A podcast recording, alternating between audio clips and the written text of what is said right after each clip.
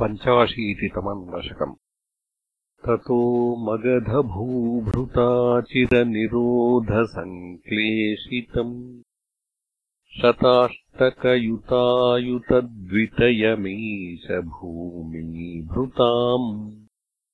अनाथशरणायते कमपि पूरुषम् प्राहिणोत्।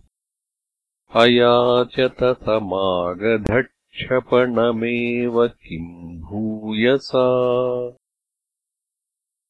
इयासुरभिमागधम् तदनु नारदोदीरितात् युधिष्ठिरमखोद्यमादुभयकार्यपर्याकुलः। विरुद्धजयिनोद्धरादुभयसिद्धिरित्युद्धवे शशंसुषि निजैः समम् पुरमियेथ यौधिष्ठिरीम्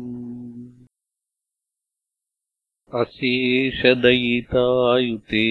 त्वयि समागते धर्मजो विजित् सहजैर्महीम् भवदपाङ्गसंवर्धितैः श्रियम् निरुपमाम् वहन्नहः भक्तदासायितम्। भवन्तमयि मागधे प्रहितवान् स भीमार्जुनम् गिरिव्रजपुरम् गतास्तदनुदेव यूयन्त्रयो यया च समरोत्सवम् द्विजमिषेण तम् मागधम्। अपूर्णसुकृतम् त्वमुम् पवनजेन सङ्ग्रामयन्। निरीक्ष्य सह जिष्णुना त्वमपि राजयुध्वा स्थितः अशान्तसमरोद्धतम् विटपपाटनासंज्ञया निपात्यजरसः सुतम् पवनजेन निष्पाटितम् विमुच्य नृपतीम् मुदा समनुगृह्य भक्तिम् पराम् दिदेशिथगतस्पृहानपि च धर्मगुप्त भुवः प्रचकृषि युधिष्ठिरे तदनुराजसूयाध्वरम् प्रसन्नभृतकीभवत् सकलराजकन्याकुलम् त्वमप्ययि जगत्पते द्विजपदावनेजादिकम् चकर्थ किमुक ्यते नृपवरस्य भाग्योन्नतिः। ततः सवनकर्मणि प्रवरमग्र्यपूजाविधिम्।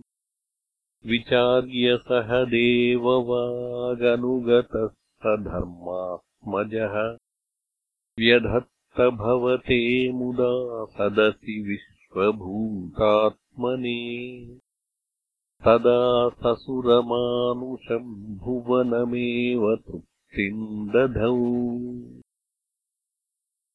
ततः सपदि चेदिपो मुनिनृपेषु तिष्ठत्स्वहो। सभाजयति को जडः पशुपदुर्दुरूढम् वटुम्। इति त्वयि स दुर्वचो विततिमुद्वमन्नासना उदापतदुदायुधः समपतन्नमुम् पाण्डवाः। निवार्य निजपक्षगानभिमुखस्य विद्वेषिणः त्वमेव जहृषे शिरो दनुजदारिणा स्वारिणा जनुस्त्रितयलब्धया सततचिन्तया शुद्धधी त्वया सपरमेकतामधुतयोगिनाम् दुर्लभाम् ततः सुमहिते त्वया क्रतुवरे निरूढे जनो। ययौ जयति धर्मजो जयति कृष्ण इत्यालपन् खलः स तु सुयोधनो धृतमनः सपत्नश्रिया मयार्पितसभामुखे स्थलजलभ्रमादभ्रमीत्। तदा हसितमुत्थितम् द्रुपदनन्दना भीमयोः अपाङ्गकलया विभो किमपि तावदुजृम्भयन् धराभरनिराकृतौ सपदि नाम बीजम् वपन्। जनार्दन मरुत्पुरीनिलय पाहि मामामया